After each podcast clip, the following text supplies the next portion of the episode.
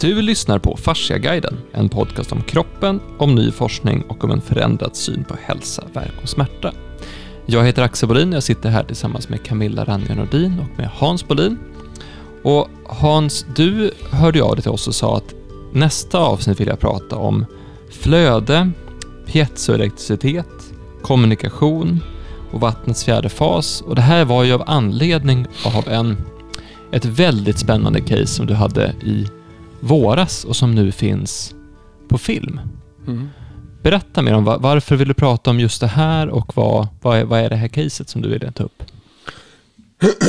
Caset är en, en, en kvinna som ringde mig, eller som tog kontakt med mig från Färöarna. Och som hade en son som hade kroniskt ont, hade ont i, haft ont i två, tre år. Han hade smärta 24 dygnet runt. Och han hade så ont så att han, eh, ja det var inget bra. Och då frågade hon om, hon hade sökt och hon hade sökt, sökt, sökt, sökt överallt. Eh, och satt en natt, hon berättade för mig när jag träffade hon sen och hittade om att smärta kan bero på att fascian sitter fast.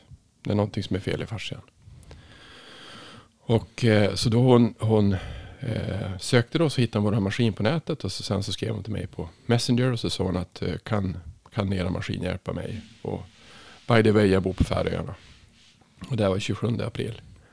Och jag sa att, jag sa att visst om man tar bort trycket så kan man öka flödet och då förmodligen så minskar också eh, reaktionerna till smärtreceptorerna så förmodligen blir en bra. Och då skrev hon till mig att hon tyckte jag skulle åka till Färöarna och då sa jag att jag har ingen lust med det för jag visste, det var ju mitt i corona så man visste inte om man skulle komma dit eller komma sig därifrån. jag hörde ju att Färöarna var ju otroligt vackert så det hade inte jag tittat på men det, dit ska man egentligen ha åkt. Fast man kan vi göra det sen då. I alla fall. Så jag, Kanske ska säga också att, att, att eh, han hade så ont så att han ha- sa till mamma att han skulle ta livet av sig. Ja, precis. Ja. Men det visste inte jag riktigt då heller när jag, när jag, nu, när jag Hon började. sa, hon sa inte det. Nej, hon sa bara att han hade jätteont. Och sen så, så, så vi, vi beslöt att skicka en maskin dit. Och så sen så skulle jag köra det här eh, via Facetime istället. Och när jag såg han från början, han var ju då ganska sned. Och hon, hon var ju terapeut. Så min fru Lotta fick vara patient. Och, eller jag demade på henne. Och så sen fick vi visa vad vi gjorde. Så vi behandlade ungefär 50 minuter. Vi släppte vanlig behandling med maskin. Vi släppte tryck. Och vi, vi behandlade med maskin i hela kroppen. och eh, det som jag tycker var häftigt med Anders som var då, det är att han hade, eller som var konstigt, han hade bandage på armen. För han hade brutit handen, han var så arg. Sen det som hände sen så, så efter 50 Ja, minuter. Han hade slagit alltså. För att han, han, hade, hade... han var så arg så han hade brutit armen. Han Alltså han hade så ont så att han var så Ja, arg så han hade ja, slagit. ja, Ja. Så det, var, det visste ju inte jag om då heller. Men sen så, så, så vi höll på i 50 minuter och så sen så, eh, så, så, eh, sen, så man, alltså det, det är mycket man ska berätta hur man behandlar först och så sen så titta vad som händer och så. Och det såg ju hon, det såg inte vi. Alltså hon, man ser inte vad som händer på det sättet. Men efter den där första behandlingen så, så släppte alltså hans smärta totalt. Eh, Så jag, det visste inte jag då. Jag fortsatte fortsätt behandla, det går bra det här, fortsätt ett tag till. Och så sen så smsade jag henne dagen efter och så hur är det? Ja, han har varit helt smärtfri första gången på tre år. Fortsätt behandla. Och sen kom ju det här tillbaka, det som hände egentligen, för vi gjorde ett reportage om det, för hon kom hit till Sverige då. Och det visade sig att eh, han hade ju tänkt ta livet av sig två dagar innan. Alltså innan, så att vi vill prova en sak till. Det, Han sa så här, mamma, jag, eh, nu ger jag upp. Jag tänker ta livet av mig. Jag tänker göra det om några minuter. ja, Och jag tänker göra det på det här sättet. Och sa hon så här, vänt, ge mig en chans till Ja. att hitta någonting som kan vara en lösning på det här. Och då, då hon kontaktade dig. ja. Så det var ju, det var ju liksom i elfte timmen om man säger så. Mm. Det som var intressant med det här, det, det, är, det är en otroligt fantastisk historia. En kvinna som, som ja, du har ju sett hela filmen, du har ju suttit och klippt den, så du vet mer vad de har sagt än vad jag har gjort. Jag har bara, jag har bara sett, jag har bara sett, det är min historia, men den stämmer ganska bra med henne, att jag sa att det förmodligen inte skulle gå att bli av med smärtan. Och det var den enda, jag var den enda som hade sagt, någon utav alla experter hon har pratat med, att det skulle kunna gå. Eh, För de kunde inte se någonting. Eh, det berättade hon i alla fall på intervjun att, att de hade gjort massor av olika tester, de hade gjort massor av olika undersökningar och man kunde inte se man kunde inte se vad smärtan var. Då tänkte man så här, men det är säkert psykiskt. Men, men det kunde inte de acceptera, för det var ju en... Alltså först var det ju... Han hade en olycka i ryggen, Sen hade han varit med om en bilolycka. Eh, alltså en, en, en, i ryggen, alltså som i historiken. Han hade varit med om en bilolycka när han hade skadat sig och sen har han blivit lite bättre på det efter det och så hade han kunnat börja jobba igen. Och sen hade han fallit från, eh, han var ute och seglade, hade han fallit från en båt och krossat C7. C7. Alltså den sjunde nackkotan. Ehm, och sen hade det där ju läkt så att, alltså, så att den var eh, Mm. hel igen, men han hade fortfarande fruktansvärt ont. Och det var det de inte kunde se, var kommer det ifrån? Mm. Men, men de, kunde, de sa inte heller att det var psykiskt, de sa bara att det här är ingenting du kan göra någonting åt, utan du får ta den här medicineringen, och så ökar de dosen och så, sen så får du leva med smärtan. Och det var då han vart så arg att han sa att nej men alltså det, vadå leva med den här smärtan, det går ju inte. Det går inte precis. Och Ehm, tabletterna hjälpte inte. Nej. Och, ja, vart han inte också väldigt ja, varit o, ja. ofungerande? Så Han kunde nästan inte gå. Kunde nästan inte gå. Sen hör det ju till saken att det är inte som att, att det här är någonting som händer varje dag eh, för oss. Och det är inte heller så att, att du... Alltså det är, inte, det är inte så att alla ska förvänta sig att har man, alltså är man Nej, helt nej. körd så blir man bra på en gång. Utan Nej. det är, ju, det, det är ju en väldigt speciell historia. Och det var ju häftigt att det blev en sån extrem effekt på en gång. Men det var det jag tänkte vi skulle prata lite grann Men vi om. hade, ju, Vad- vi hade samma sak med han som, inte, han som hade haft droppfot i fem år. Mm. Och så sen som också efter på en behandling vart mycket, mycket bättre. Eller han fick ju sin fot att börja fungera igen. Så det, är, ju- det är någonting som kan hända ganska fort. Ja, vi har ju, det är säkert många sett de här berättelserna om att en, en frozen shoulder har blivit bra på sex eller sju minuter och sådana saker också. Så det finns ju, det finns ju tillfällen där det har varit så bra resultat på behandling att vi har börjat ifrågasätta vad vi håller på med Ja, exakt. Det? Alltså så här bra kan det ju inte vara.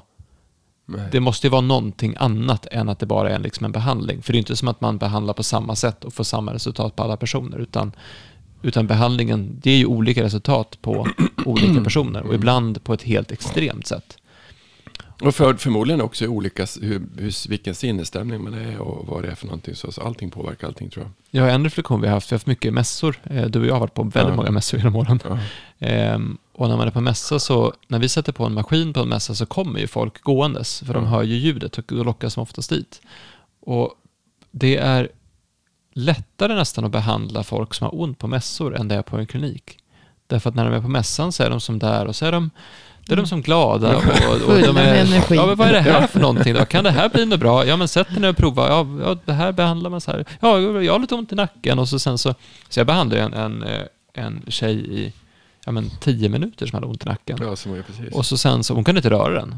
Och jag bara, ja men jag kan väl testa liksom. Mm. Kommer tillbaka dagen efter och bara, nu är jag full rörlighet och allt är bra. Men hon var jätteglad och jättepigg, alltså hela Ja. tiden. Hon är inte som att hon, hon såg inte sig själv som en person med kronisk nackvärk som skulle gå och liksom få, få bot någonstans. Utan hon Nej, var men det var ju den där som vi hade i Jönköping. Hon hade frozen shoulder. Det var ju Ja. också typ tio minuters behandling. Mm. Och vart de bra.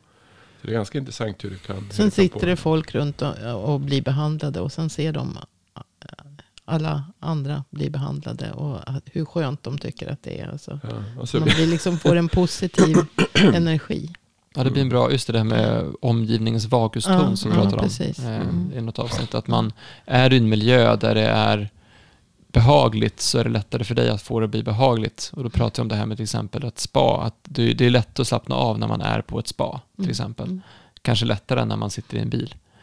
Eller så. Eller att det är lätt att bli upprörd när man är i trafiken därför att det finns andra som är upprörda runt omkring en. Men tror du att vagustonen är bra på sådana här evenemang alltså? Kanske är Ja, det. men Alltså eftersom det sitter flera stycken. Ja, det tror jag. Även om man är liksom kanske uppe i varv. Men man är ju ändå Mm. inte eh, stressad på det sättet. Men, men jag tänkte mer att det sitter flera stycken och får behandling. Och folk kommer, ställer sig i kö för att få behandling. Och liksom tittar på de andra som får Mm. behandling. Alltså det, det är flera stycken som exponeras för behandling. Mm. Och, och, då, och så ser man att de tycker att det är skönt. Och de Mm. ger säkert ifrån sig massor med endorfiner och oxytocin. Och så. Precis som hästarna reagerar i stallet. När man behandlar en häst så står de andra liksom och tittar lite Mm. avundsjukt och börjar gäspa. Mm. Och, och blir påverkad Mm. utav Mm. den hästen som blir, får behandling. Det är säkert därför du klarar av att faktiskt stå tio timmar, fyra dagar i rad, eller vad det nu är, och behandla folk. Som när vi var på Friends till exempel. Då var det ju verkligen, alltså det är långa dagar. Mm. Ja, det ger energi till en annan också. Mm. Alltså den, den som står och behandlar. Ja. Men det har ju hänt mycket konstigt, alltså mycket bra case precis på mässor. Alltså, jätteintressant Mm. att det kan gå så fort. Men, Men, det, som, det ja. som jag inte var med, med det här med, med eh, när vi pratade förra om, om, om EDS och allt massa sådana det som vi höll på med förra avsnitt. Men det som jag tyckte var intressant med just Torkel och det som hände, det var det, hur mycket påverkar flödet? Alltså vilket perspektiv ser vi på? Och du har ju sagt många gånger att det är flödet som är intressant. Mm, Och, mm. eh, Och ju- jag- Alltså när, när jag skaffade maskinen 2015 så hade inte jag en tanke på, på egentligen, ja men, det, man släpper på, det är massage, man släpper på spänningar i muskulaturer. Jag var ju inte så inne på fascia då heller. Eh, inte fascia på det här sättet. Det är fortfarande det här som jag säger att fascia är vissa, det är torakolumbarfascian och det är eh, plantarfascian. och- Alltså, men, men jag behandlade ju en hund eh, ganska snart efter jag hade skaffat maskinen 2015. mm, och det var ju också en sån där det är lycklig historia fast den är inte ens i sån dimension som det är en hund jämfört med en människa. Men, men det var en, en eh, draghund, 12 år gammal och den hade gått på mm, medicinering, Rimadyl i jag, f- fem eller sju år. Jag kommer inte ihåg om det var att den var fem när den började medicinera eller om den var sju och hade gått i fem år. Då. Mm. Förmodligen så. Den hade dragit mycket, hade art- artros i nacken. Så den hade väldigt ont i, i framförallt sin nacke. Så den har alltså gått på Rimadyl i, i säg fem år då, och eh, fått väldigt dåliga njur och levervärden.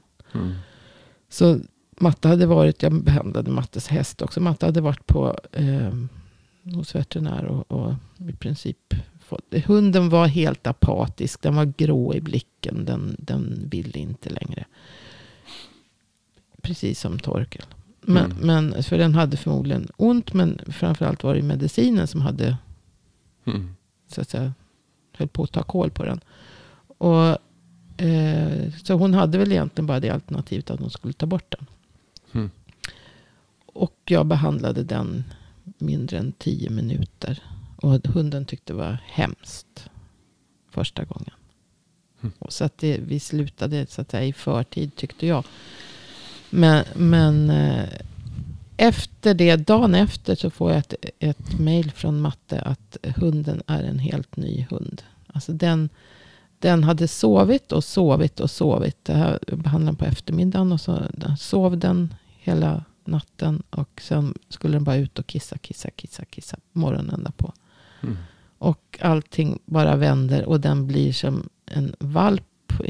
På nytt leker med den andra unghunden som hon har. Den är med när hon är ute och rider. Den, eh, så småningom, den hoppade upp i bilen. Alltså den, och den var klar i blicken. Den, den vart en helt ny hund. Utan medicin så levde den här hunden i över ett år till. Mm. Så den var över 13 år när hon väl liksom tog bort den. Och då, då utan, utan medicin. Och sen fick den ju no, eh, fler behandlingar. Men eh, jag tror att det kanske var tre veckor mellan den första och den andra behandlingen. Och sen fick den några behandlingar som är relativt regelbundet. Men inte mer än en gång i månaden, varannan månad. Alltså det tog inte, det var inte så. Och det, det höll hunden liksom i, i form. Mm. Och det där jag funderat, det måste ju varit liksom, det är ju, det är ju flödet. Mm. Det är flödet, alltså allting som var mediciner som var lagrat i kroppen, som hade liksom stängts in i fascian. Jag förstår ju det här nu på ett helt annat sätt. Mm. Alltså vad, vad som händer. Att det, det stängs in och, och satte helt enkelt fart på det här flödet. Så att det här kom iväg ut ur den extracellulära matrisen och ut i, i lymfsystemet och ut i, liksom, rensades ut ur kroppen. Och det var ju därför helt plötsligt började hunden bara kissa, kissa, kissa, kissa. Mm. Och Men det förstår man. Det, det, det Neil gjorde med flödet när han- när han färgade allting i levern. mm, Och fick att allting vart i hela kroppen på en gång. Jag tror att det var på ett ställe. Då förstår man ju hur viktigt flödet är. Om det är, det är överallt samtidigt. Ja, och, alltså, och det var jag satt och lyssnade på föredrag om, om, med mycket embryologi här för ett tag sedan. Och då just det här att vi, vi är en cell. Mm. Och det, allting kommer från den enda cellen som sen liksom delar sig. Och, och det här med så fort det blir flera celler så måste någonting hålla ordning på de här cellerna. Så att säga. Få en struktur. Mm. Och det är ju då fascian bildas. Alltså, och hyaluronsyran. En encellig organism har hyaluronsyra. Men inte den här kollagenstrukturen som håller, håller fast och kommunicerar mellan cellerna. på det Mm. Ja, så fort det blir En, en fler, en, cell fler, två en flercellig organism. Jag så vet måste om det är du ha något två. som Men, binder ihop det. ja, precis. Och för det- att de det är här cellerna måste kunna kommunicera. Så det redan från Ja. början så är fascia Alltså den fascia, strukturen som håller ihop allting. Ja, precis. Och det, det är när det blir liksom flercelliga organismer. Det är då fascian... Så det, jag tror jag har sagt det vid något tidigare till. Att just att fascian bildas ju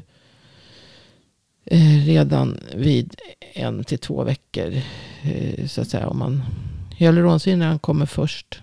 Men, men alltså, så fascian finns ju alltså redan från någon veckas ålder på embryologistadiet. Och, men då, om man ska se det rent evolutionärt så, så kom fascian till när det började bli flercelliga organismer. Mm. Fast hyaluronsyran, alltså även en, en eh, bakteriecell har hyaluronsyra.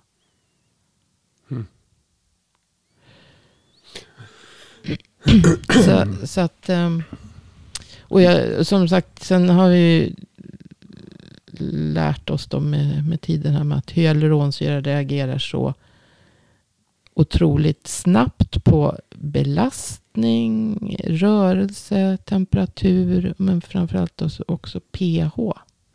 Och det var ju Mm. det vi pratade om. Alltså vad händer i kroppen med en sån här stress? För det första har han ju fått slag. Och Ja, det saker har med- gått sönder. Ja, har varit med om två, tre stycken. Och, och inflammationen och läkningen utav de, de skadorna. Det händer ju en massa saker i kroppen och det blir, blir säkert eh, alltså inflammationen och, och st- stressen i, i Mm. kroppen. Och, och om man kommer ihåg hur, hur eh, hyaluronsyran reagerar vid hårda slag också. Så, så, Och den slår ut precis, det visar att den, Ja. den blir... Och, och sen eh, blir det säkert eh, lågt pH. Och det kan, kan man ju ha utan, beroende på hur man eh, äter och hur man beter sig. Men kroppen har ju system för att eh, hålla blodet så att säga helt konstant i pH. Det har jag Mm. väl sagt förut. Men, eh, så att, för det, där ska ju pH ligga på 7,35. Men det gör det nästan alltid. eller? Ja, ja det, det får inte variera mycket. Men där. hur är det med sju- extracellulära matrisen? Alltså interstitium, den har Nej, nej, men det, det är ju där det lagras in. Ja. Alltså om, om inte eh, vi andas ut koldioxid det Mm. ta, ta, för att få bort det sura. Vi rensar ut det via njurarna också. För, eh, Mm. vätejoner eller karbonatjoner för att liksom reglera eh, pH i, i kroppen. Men blodet måste hållas konstant. Mm. Och om inte njurar och mag-tarmsystem eh, och lungor lyckas, huden kan också men lyckas eh, reglera pH så måste vi eh, gömma undan vätejonerna någonstans. Mm. Och då lagras de i... Det är ju mer vanligt att vi är försurade än att vi har Mm. för basiskt. Eftersom all, ja, som, som vi äter i, idag så, så blir det mer försurat. Eh, vi äter mycket som, som gör oss sura.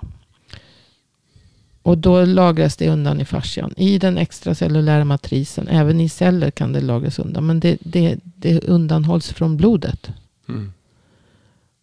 Och då, vad händer då om den extracellulära... Det finns hyaluronsyra både i cellerna och i den extracellulära matrisen framförallt. Det är ju samma vätskeflöde. Det är ju samma flöde som går in i cellerna också. Och det här, vad händer då om det är lågt pH? Ja, då kommer hyaluronsyran att tjockna. Mm. Då stoppar flödet upp. Det blir trögt allting. Och det här kanske kan hända på lokala eh, ställen så att säga. Så att det, det tar emot. Men vad händer med det vi vet om fascian och, och kraftöverföring och rörelse idag. Jag menar, rör du på stortån så rör det sig upp i, i axeln. Mm. Så, så blir det då stopp någonstans på vägen. Så det är klart att allting, det, då, då hittar vi på ett annat sätt att röra den kroppsdelen. Och så försöker det gå förbi. Men det, då kan ju ett, flöde förstöra en, en hel kropp. det är lite det som är, jag tycker var intressant när vi höll på med hästar. När vi kom in på det som du hållit på med hela livet. Då, men vi gjorde inte det. Det är att hästar och hundar, de tittar man på rörelse, hur de rör sig. Mm. Alltså hur, hur ser de egentligen ut? Skrittar de rätt och galopperar, travar de rätt och har, kan de röra sig överhuvudtaget? Det var ju samma sak med den där eh, spondyloshunden som du gjorde. Mm. Den, den hade ju ont. Mm. Och, och har den ont, då har den också dålig rörelseförmåga. Mm. Då är förmodligen flödet blockerat. Och där Ja. vart ju också samma sak. Det vart ju, den vart ju helt... Ja, Hon, och, ju, hon skickade ju textmeddelanden hela tiden. Jag Mm. fick ju textmeddelanden. Och han gör så, han gör så, för du är en polis. Hon var ju polisförare, eller Mm, hundförare. mm. Eh, Det vart ju också en enorm reaktion väldigt fort. Men det där är ju också, det är ju, tycker jag, så lätt att förstå. För att i den här extracellulära matrisen, i fascian. Alltså nu pratar ju fascia med, med hela, hela den flytande flödet är också fascia. Mm. Skelettet är fascia. Eh, enligt eh, John Sharkey. Mm. Men, men ehm, och det är inte heller svårt att förstå. Därför att det, det är ju trådar som vävs in i precis överallt. Mm. Eh, men eh, nu tappar jag tråden vad jag höll på. Om, om, om, om, om polishunden. Ja, men det är inte svårt att förstå smärtan. eh, Att, eh, när det stoppar upp i flödet att det blir... För det är ju det vi- vi har sagt för. Då, då blir det liksom ett högre tryck. Mm. När, när det blir väldigt visköst, alltså väldigt tjockflytande istället för det här flödet som, som i och för sig är en gel. Så det rinner inte lätt som vatten. Men det, det, det flödar. Men, men, Så eh, om det är för mycket tryck, då blir det, som, det blir ungefär som ett vattenfall. Det blir, det blir för mycket. Ja men alltså är, är det hur jämför tjock honung med mer tunnflytande honung. Det är Mm. väl, ja. Det stannar av. Mm. Ja. Om du har eh, tjock honung så mm, får du inte knappt ut det. Alltså, du kan ju vända upp och ner på burken men det rinner ju inte Nej, ut. precis. Eller ketchup. Och då måste du få igång det. Och när du väl har fått igång det. Om du, om du rör i det här då så, så löser du upp det så att säga. Mm. Och det är ju det behandlingen gör. Den, den sätter ju fart på flödet. Du får igång en rörelse. Och rörelse påverkar hyaluronsyran så att den blir mer lättflytande. Det, alltså det, här, det här finns det ju forskning på. Så det är, inte, det är inget konstigt alls. Nej. Det, det vi inte har förstått kanske är att, att kroppen är så full med hyaluronsyra. Och, Vi har ju pratat om det här ganska mycket. Alltså det här med Mm. flödet och så vidare. Och ibland så låter det som att det, det är ganska enkelt det här som vi egentligen säger. Men det, det handlar om att få Nej, fram jag, flödet. jag, så. jag tycker ju att det är så enkelt. Men, men det, det jag funderar på, för det som, det som jag... Det som inte stör mig, men det som gnager lite grann, det är varför, varför blir vissas... Varför är vissas mycket lättare att behandla än andra? Och så tänker man att det är tankar. Och så. Men jag, jag, jag fick en, en bild här, nu ska jag, häng med nu. Mhm. Eh, det kanske har att göra med kroppssyn, alltså hur vi ser på oss själva och hur vi ser på vår kropp. Eh, vi, någon gång så tog jag exempel om det här med, med japansk arkitektur, att man i västerländsk arkitektur, eller eh, japansk inredning, i eh, västerländsk inredning så tänker man så här, var ska soffan stå, var ska tvn stå, var ska bordet stå, var ska stolarna stå? Men i ett, från ett japanskt perspektiv så tänker man, hur ser ytorna ut mellan saker? Alltså man, man möblerar ett rum utifrån vad ytorna är och inte Mm. utifrån vad möblerna ska vara. Mm. Så du, du tittar på samma sak men du ser ut två olika saker. Och då tänkte jag på, på det här med flöde.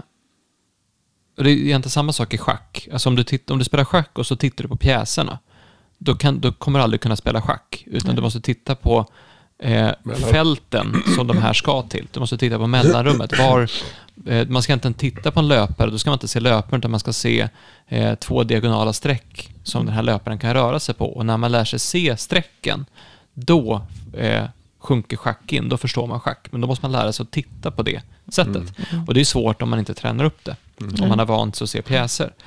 Och jag tänker lite så här, för att funktion, vi ser på kroppen som en funktion.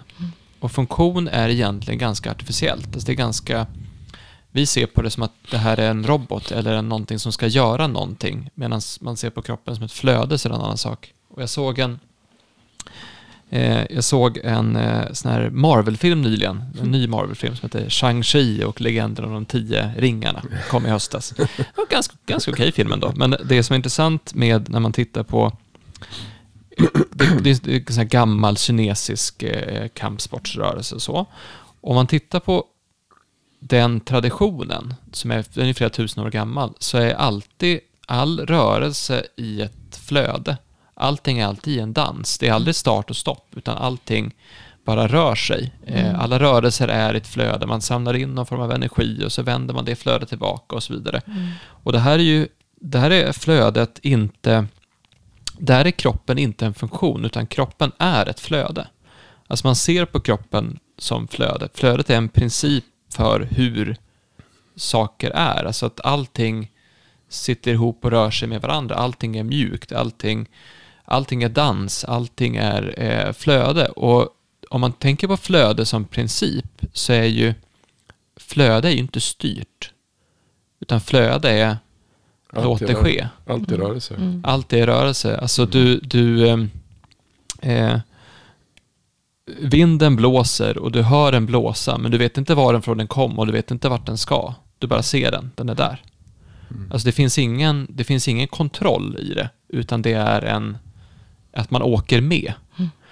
Och om man säger att man, man verkligen säger, nu är jag flöde och jag bara åker med, låt det ske. Och så går jag på behandling.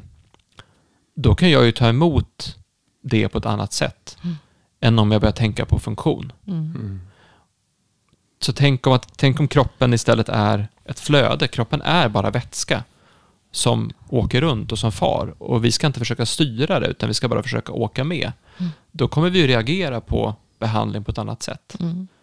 Och det är kanske är det som de som medvetet eller omedvetet gör som faktiskt får bra resultat. Att man bara, okej, här kommer en maskin som ger en typ av vibration och vad skönt det var, nu kör vi. Så här. Så, låt, Mm. Istället för någon som ska, ska tänka, ja, men, hur hänger det här ihop med min diagnos? Eller hur hänger det här ihop med min förståelse för bla? Eller hur, hur, hur, hur påverkas kollagentrådarna nu när jag är inne och far? Eller hur, alltså sådär. Och det, det är kanske där som... Tänk om vi bara har totalt missuppfattat alltihopa. Tänk om vi ska basera det som ett flöde istället. Mm. Mm. Det, det där var ju en väldigt vacker förklaring då. Ska jag komma med en tråkigare? Ja, jag, jag tror ändå att vi, att vi behöver den... Alltså, tänk om det är så här enkelt, men jag tror ändå att vi är så inprogrammerade att vi vill ha den, den, den komplicerade förklaringen också på vad det är som händer. Mm. För vi, det är så, vi är så tränade i det. Jo, men jag, tänkte att, att vissa inte blir hjälpta av behandling. Det, dels kan ju vissa problem ta mycket längre tid om man har gått med en sak väldigt, väldigt länge. Så, så går det ju inte att lösa på. Det kan ta ett halvår. Jag har det. Jag har det. Jag har, jag har det Men, så, men jag, jag, tänkte, för, för jag, bara, jag bara tänkte när, att, att eh, hur man lever faktiskt. Alltså, dels hur, hur ligger du till i stressnivå? För Mm. stressen påverkar ju det här flödet. Har vi pratat om förut. Då. Och eh, vad äter du? Det påverkar också vårt flöde. Alltså hur, hur försurad är du?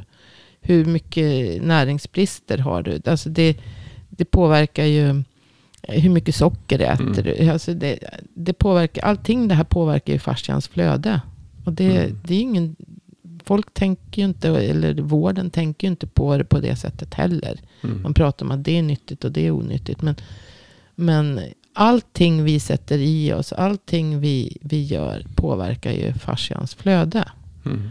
Och det är ju som, eh, alltså när man lyssnar på de här forskarna nu. Så det, det här mellanrummet, det här som inte är någonting, där, där flödet finns. Det, Mm. det, är ju, det är ju det, där är det ju ett flöde, men det går ju inte att se med eh, någon diagnostisk metod. Så att säga. Du ser inte på röntgen. Det, det, det har ju börjat komma bättre eh, instrument för att se, med bättre magnetröntgen och och ultraljud. För att se, så man kan se flöde på ett annat sätt. Och se vad, vad som händer i det här som inte är någonting. För det som inte är någonting, det är allt. Mm. Mm. Men Nej. bra, det, det finns ju mellanrum utanför oss också. Ja, och det, bara det här jag så jag tänkte på det här med, äh, som du pratade om nu då, just det här med det som inte är någonting mellan. Det här förklaringen bara på när, under embryologin, Mm. när, när, eh, när handen utvecklas. Alltså vi, när vi är i foster så har vi det att börja med bara en paddel som, som hand, som en fena. Det är liksom en hel klump. Mm. Och sen så bildas det inte fem fingrar utan det bildas fyra mellanrum. Mm. För det, fingrarna är ju redan där så att säga. Men det är mellanrummen som, som kommer till. Mm. Just det, för att egentligen så på de andra däggdjuren har ju också de har också fingrar fast de kan ha på ett annat. De har göra andra saker med dem. En del, har det ju, en, del har, en det- del har ju paddlar. Fast det är en, ja, den en del har paddlar. eh, Alltså sälar och, och alltså det beror ju på vad, hur man Mm. använder kroppen. Mm. Ja, precis. Vi är egentligen en, en enda varelse som sen s- del, delar på oss, eller, Mm. eller skapar Mm. mellanrum.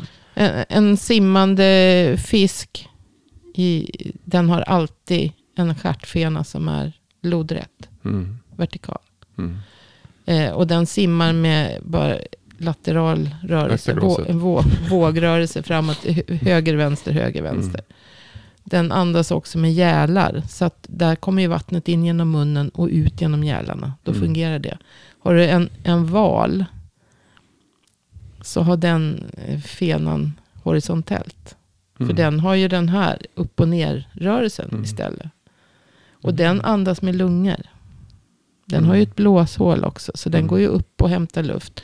Och den, den behöver ju ha mycket djupare vatten. Eftersom den har upp och ner vågrörelsen. Mm. Men den har ju också effektiviserat andningen. Eftersom syre, den hämtar ju syre uppifrån. Och syre i luft är, alltså det består av 20 procent eh, syre, luften. Men i vatten så är det mindre än 2 procent. Mm.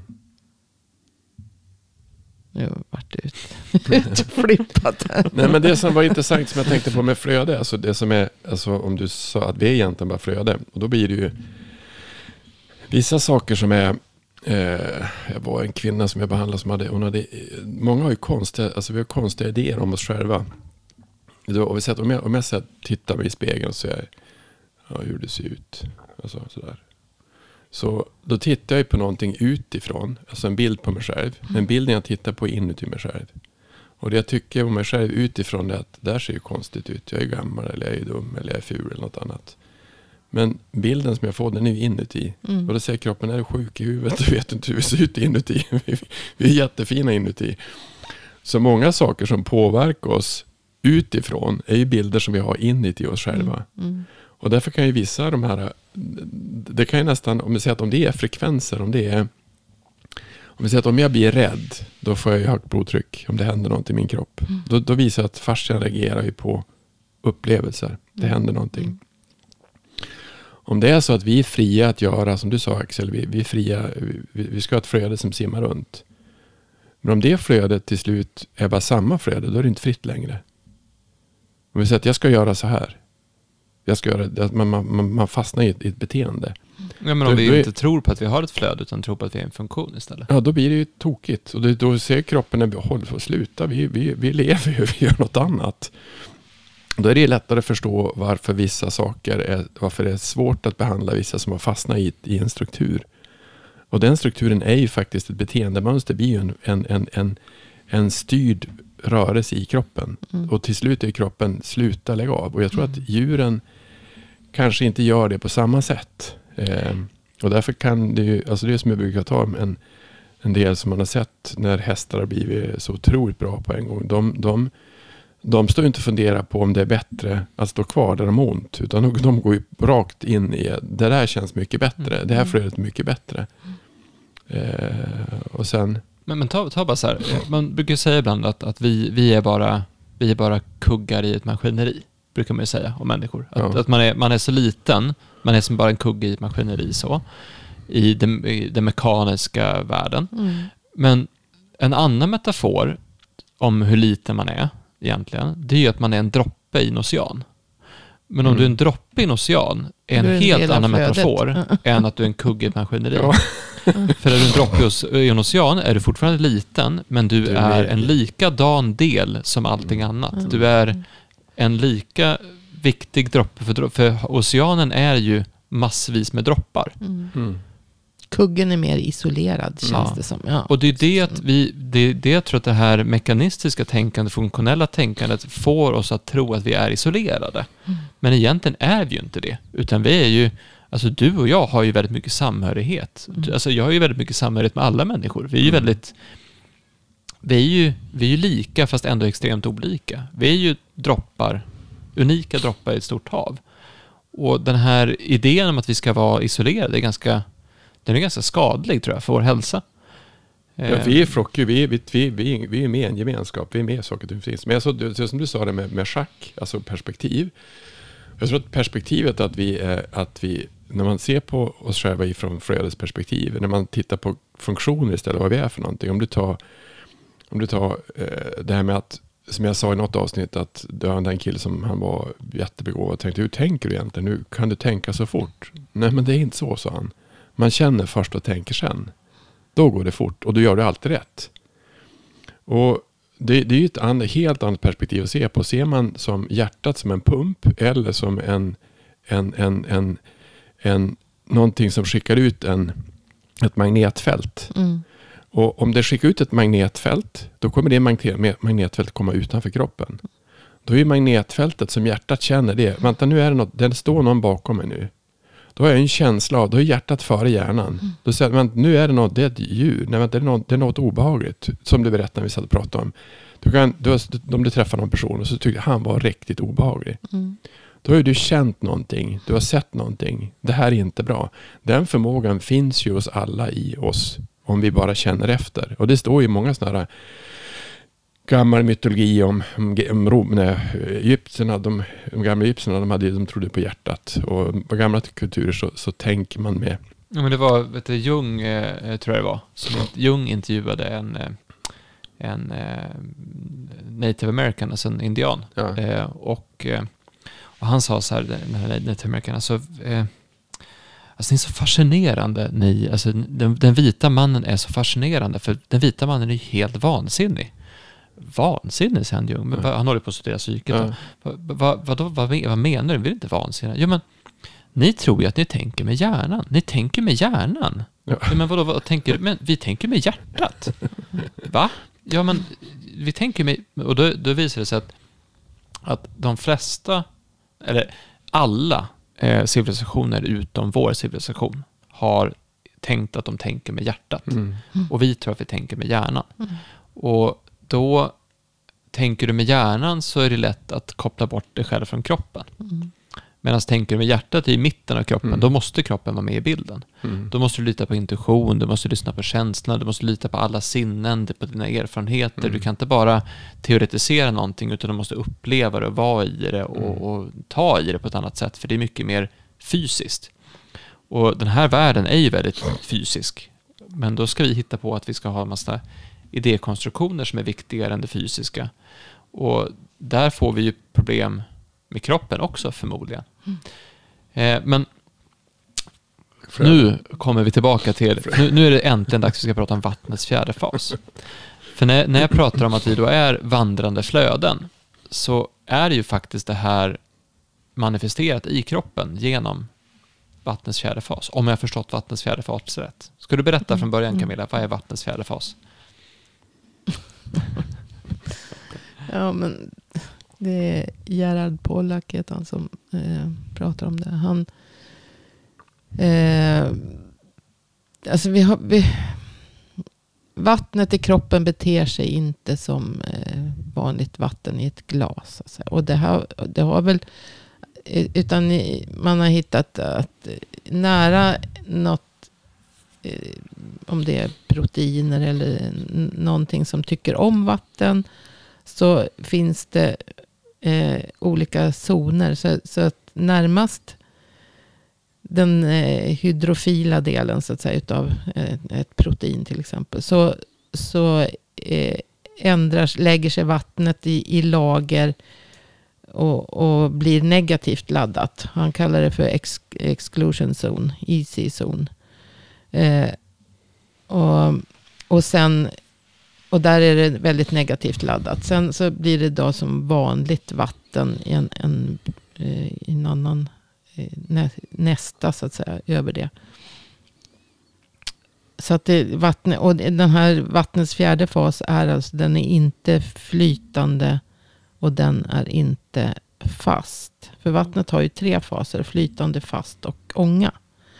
Men den är inte flytande och den är inte fast, utan den är, är mer gelaktig. Och det här beror ju på, då, om man studerar den här easy zone som man säger då, eh, så är inte vattnet längre H2O, utan det ligger i, i lager väldigt välstrukturerat, men är istället H3O2 och blir alltså negativt laddat.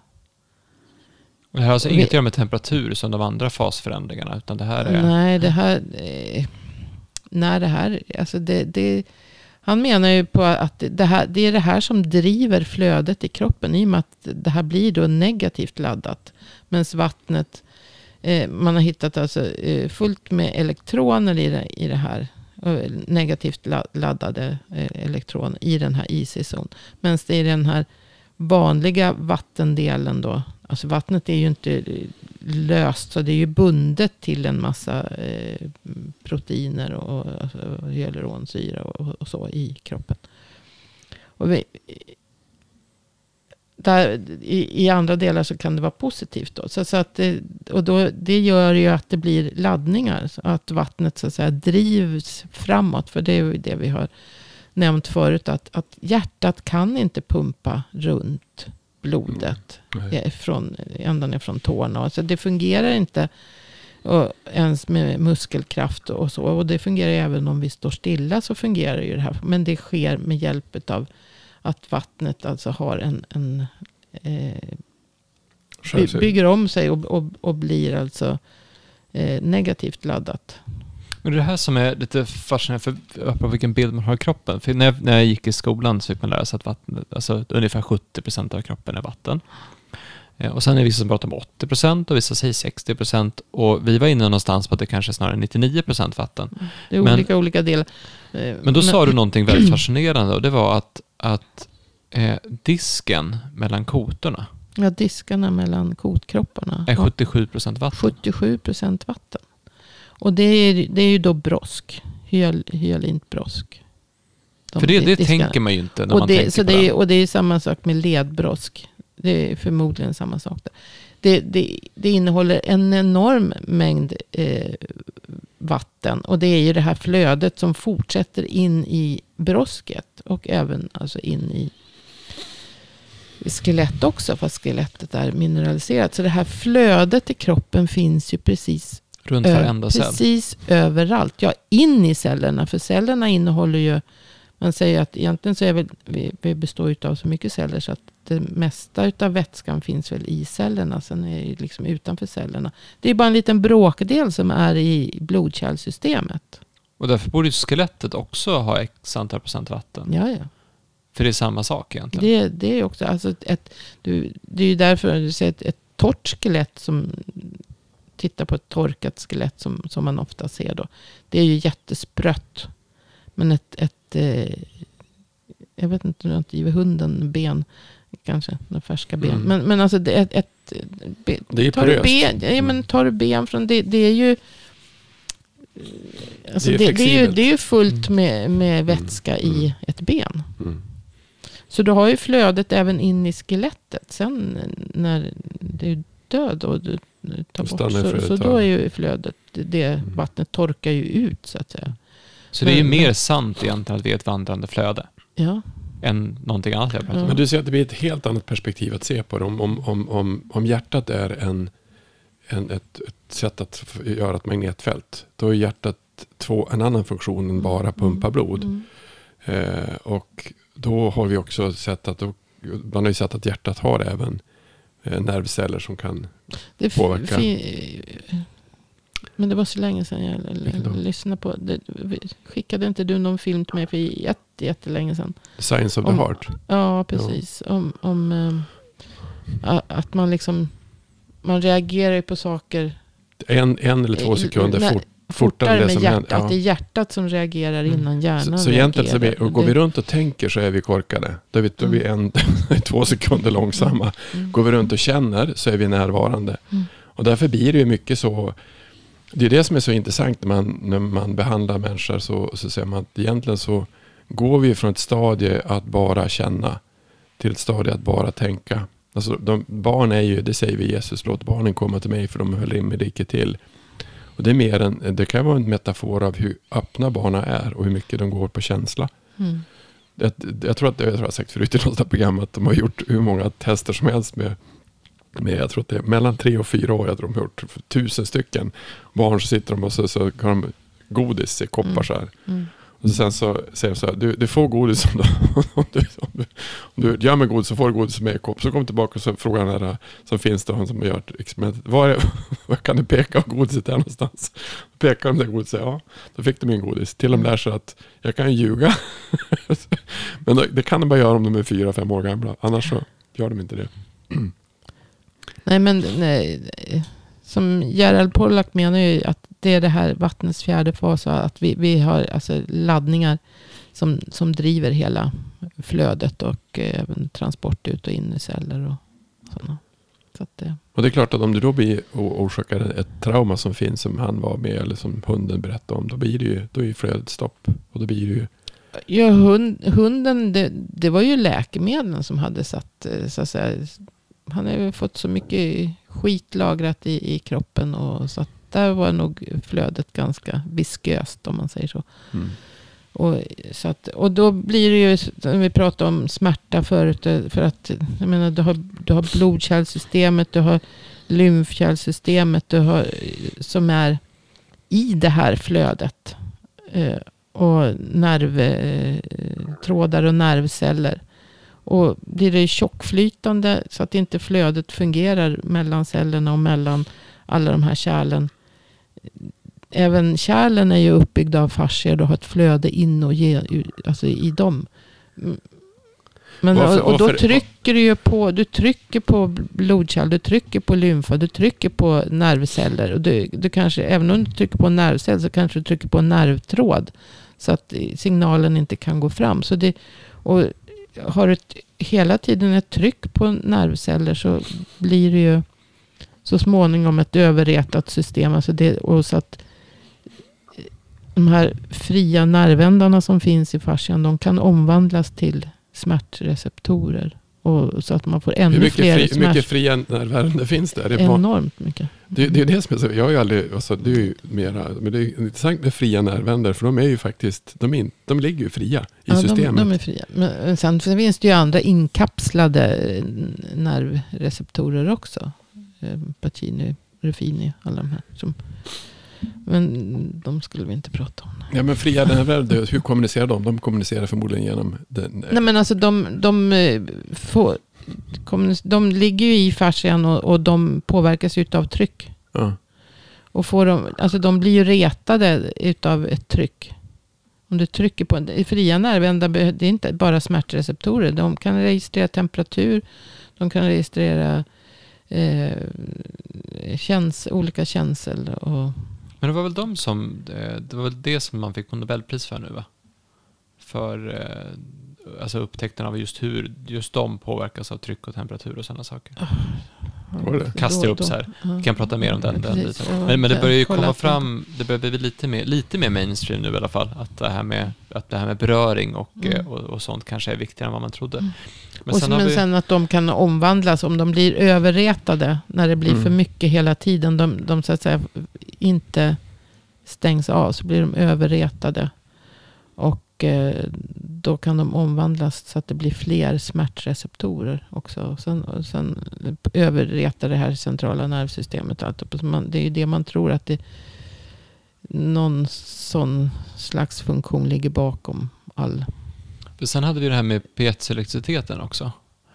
Eh, och då var det väl att, att det är elektriska signaler som går i flödet som sätter igång kemiska processer i Alltså det- kroppen. Piezoelektricitet är ju en, det kan ju vara en del av det här eh, vattnets fjärde fas. Så att, och att eh, piezoelektricitet, man säger att kollagen, alltså proteinerna är, eh, har laddningar. och de, de sprider elektriska strömmar så att säga. Att det, det hoppar på de här kollagenspiralerna på de här noderna. Precis som i nervsystem. Så att, att eh, elektriska signaler går i fascian med hjälp av kollagen och Mm. vattnets fjärde fas. Så egentligen så om man skulle... Och även då biofotoner, ljus. Alltså cellerna ger ifrån sig, det har man ju hittat, alltså ett ultrasvagt eh, ljus som man kallar för biofotoner. Då. Men eh, det, är inte, det är inte synligt för ögat. Det går att mäta. Men, men det händer hela tiden saker i kroppen som ger ifrån sig de här ljussignaler. Men och det där har man inte riktigt lyckats tyda. Så att säga. För det, det, vad som händer i kroppen med våran hälsa och om vi är stressade eller så. Det påverkar det här ljuset. Men man vet igen, ibland så ökar biofotonstrålningen. Och ibland minskar den. Och det behöver inte, ja, man, det, man vet Så man inte kan så mycket säga om att det. alltså, Men det är en kommunikation mellan celler i alla Mm. fall. Så man kan säga att det, det är man väl relativt säker på. Så, så att, att, att eh, cellerna i kroppen måste ju kommunicera hela tiden. De kommunicerar genom mekanotransduktion. Alltså att de, de rör sig hela tiden. Mm. Allting. Och det, det är ju rörelsen som, som framkallar också den här reaktioner. eh, elektricitet, piezoelektriciteten i kollagentrådarna. Alltså när de rör sig så blir det också eh, laddningar. Mm. Så att eh, är vi stilla och inte rör oss så händer det. Då, då stagnerar ju Mm. alltihopa. Men det är ganska, det som han Thies, det har jag lyssnat lite grann på. Han, han, är ju, han, som, han menar ju att det kan vara bättre att ha andra metaforer om hur kroppen fungerar än just de vi har haft innan. Eh, han tar ju den, den som är om myrstacken. Att Ja. det är först när det händer någonting som det blir en reaktion. Och ska du titta på hur, myrstack är inte så komplicerad fast den är grymt komplicerad Mm. egentligen. Men det är andra perspektiv. Nej, Det har ju en, han Sheldrake också. Mm. Eh, som pratar om biofotonfält. Att, att när fåglarna navigerar, när de flyger i, i grupp. De kan inte ligga och parera. De måste ligga och åka i en, i en sfär. Mm. Alltså i ett fotonfält. Mm. Eh, och det är ju bara ett annat sätt att se på hur skapelsen ser ut. Och hur världen egentligen ser Ja, ut. det är, det måste ju vara energifält. liksom. Men alltså om de parerar och inte eh, kraschar ihop. Ja, det, och då Det menar klarar han, inte nej, och då menar han, och det, det samma, det gör ju, det enda fotonfältet finns ju även i människor. Och det, Mm. finns i all, det finns i växter. Och det förklarar ju samklangen som finns i ett ekosystem på ett annat, system, annat sätt än, än om man ser ett ekosystem som separerat. Eh, utan då är Ja, all, om kroppen får flöda fritt, då kommer kroppen själv organisera sig så som kroppen ska organisera sig Yes. för att må bra. Så att har du ett bra flöde, om du är ett flöde och, Mm. och allting funkar som det ska, då håller du dig frisk. Och Fast stimuleras det beror ju flödet så. på vad du utsätts för. Ja men exakt, för då kommer ju störningarna Mm, därifrån. mm, Men, mm. men att om, om flödet är fritt, Mm. då kommer du att må bra. Och då är det allting som stör flödet som egentligen är det som man ska bli av med. Och då är frågan vad är det som stör flödet? Och det har vi pratat om tidigare, det kan vara allt möjligt. exakt. Och det, kan du då få ett perfekt flöde så kan då kroppen läka fruktansvärt fort. Alltså det kan ske enormt fort, tror jag. Sen är inte det sen så... Men jag tror att jag tror att det, flödet går ju eh, relativt fort att, att få igång. Så att säga. Men sen, sen ska ju kroppen och fascian och, och sånt omstrukturera sig och bygga om sig. Det, Mm. det tar lite längre tid med kollagenet om man ska Mm. se det så. Liksom på. mm. Men därför blir ju det som det här med om, om Men det är Alltså- viktigt att hålla igång flödet under hela Ja, tiden. men därför blir det som, blir som om, om, om du har med, med höftledsartros eller knät var det att, att brosk kan ombildas. Det är ju, beror ju, om det är fel så går det inte att göra det. De flödet Nej, för då, då, går det- bildas, men, men det slits ju ner. i- Du måste ju få bort orsaken till att du har artrosen. Ja, och då kan du ju säkert läka mycket fortare. Ja. Mm. Jag tror man ska börja se på sig själv som ett flöde. Jag funderar på att börja, börja dansa. Eller börja röra mig på ett annat sätt. Det ju därför yoga är så bra. Yoga är och det, det är ju samma. Alla de här gamla sakerna. Yoga är ju rörelse. Eh, kampsporterna är ju rörelse. Och, och eh, tai chi är rörelse. Och qigong. Qigong är rörelse. Ja. Det är det är ju det är bara ett annat sätt att se på kroppen. Sen, sen pratar ju de om... Jag hade de någon, pratar ju om flöde. de, Alltså, pratar om, de pratar om chi. Alltså i, Ja, så de det, pratar det, det, sen, sen blir ju det... Det som är intressant är inte varför jag tog upp det där med som jag tyckte var flödet. För att flödet är ju ett flöde. Men sen pratar de om olika typer av meridianer. Och, eh, så har ju fortfarande gått in och delat upp saker och ting. Istället för att titta på ett helt flöde. Så det är, så, det är nog... Fast det, det, det, jo, det fast jag, jag, gör- jag sa ju nu, det kom ju en, en forskningsrapport ganska nyligen från en kinesisk grupp som hade eh, där man injicerade, just bara att, att det kommer nya metoder att mäta. De hade någon slags magnetröntgen här för mig. Och, och sen så att man injicerade färgämne i akupunkterna. Och då såg man, spred det iväg, spred sig iväg jättefort just i meridianen. Så att det finns vägar i kroppen där, det, går där, där det går fortare än andra vägar. Mm. Eh, att, att flödet är kontinuerligt så att säga mellan allting, det, det är det. Men, men det finns, det fin, meridianerna finns. Upp, för det, det är ju då bevisat. Mm. Eh, sen hade de ju injicerat någonstans, inte i en akupunkt, men längs meridianen. Mm. Och då hade det också spridit sig, men inte lika fort som när man eh, stoppar in det i akupunkten. Så de Men, och den, genvägar. sen hade de, hade de alltså injicerat mellan, där det inte var någon meridian. Mm. Eller, och in, ingen, alltså ingen akupunkt, då, för akupunkterna ligger ju på meridianerna. Och då hade det inte hänt, så, alltså det hade gått väldigt långsamt. Det hade spridit sig mera lokalt. Men Mm. så småningom så går det ju iväg. Men det går inte lika fort som i meridian. Mm. Men jag tror att den här, det här uppdelade sättet att se på den kunskapen tror jag kommer... Det är nog vi som tittar på det på det sättet, apropå det här med att dela upp. Jag tror inte att... Eller jag vet att de såg det inte så när, när det var då. Man såg inte på kroppen som separerad, nej. utan man såg den som hel. Men däremot om vi tittar tillbaka på det man gjorde då, utifrån hur vi ser det nu, så har vi svårt att se det så. Mm. Och även, det har man ju märkt nu, det har man ju pratat om i, i Kina så är det många i min generation och kanske till och med er generation som inte längre har det här perspektivet kvar, för det har börjat tryckas undan av Mm. det moderna. Ehm, och det är, det är ju en, ett problem i sig att den här kunskapen försvinner. Mm. Ehm, och det är väl dags att börja återuppväcka den, att man börjar se på allting som, som ett flöde, att vi är droppar i ett hav istället Mm. för att vi är kugghjul i en mekanik. Mm. Eh, och det är på samma sätt som, som den här idén om att eh, det var någon tanke som slog mig också nyligen att, att i vissa kulturer såg man ju på jorden som en enda levande biologisk varelse. Att jorden är en varelse som lever. Mm. Och då blir ju plötsligt väldigt intressant när man håller på och, och gräva jorden, man håller på och smutsa ner jorden, man håller på att börja ta saker från jordens inre och köra ut i jordens yttre. Det blir ju, om, om jorden är en levande varelse, om jag var, då var jorden, då skulle det vara som att någon var och grävde i min mage och tog ut sakerna och släppte ut utanför mig. Och så det blir jättekonstigt då.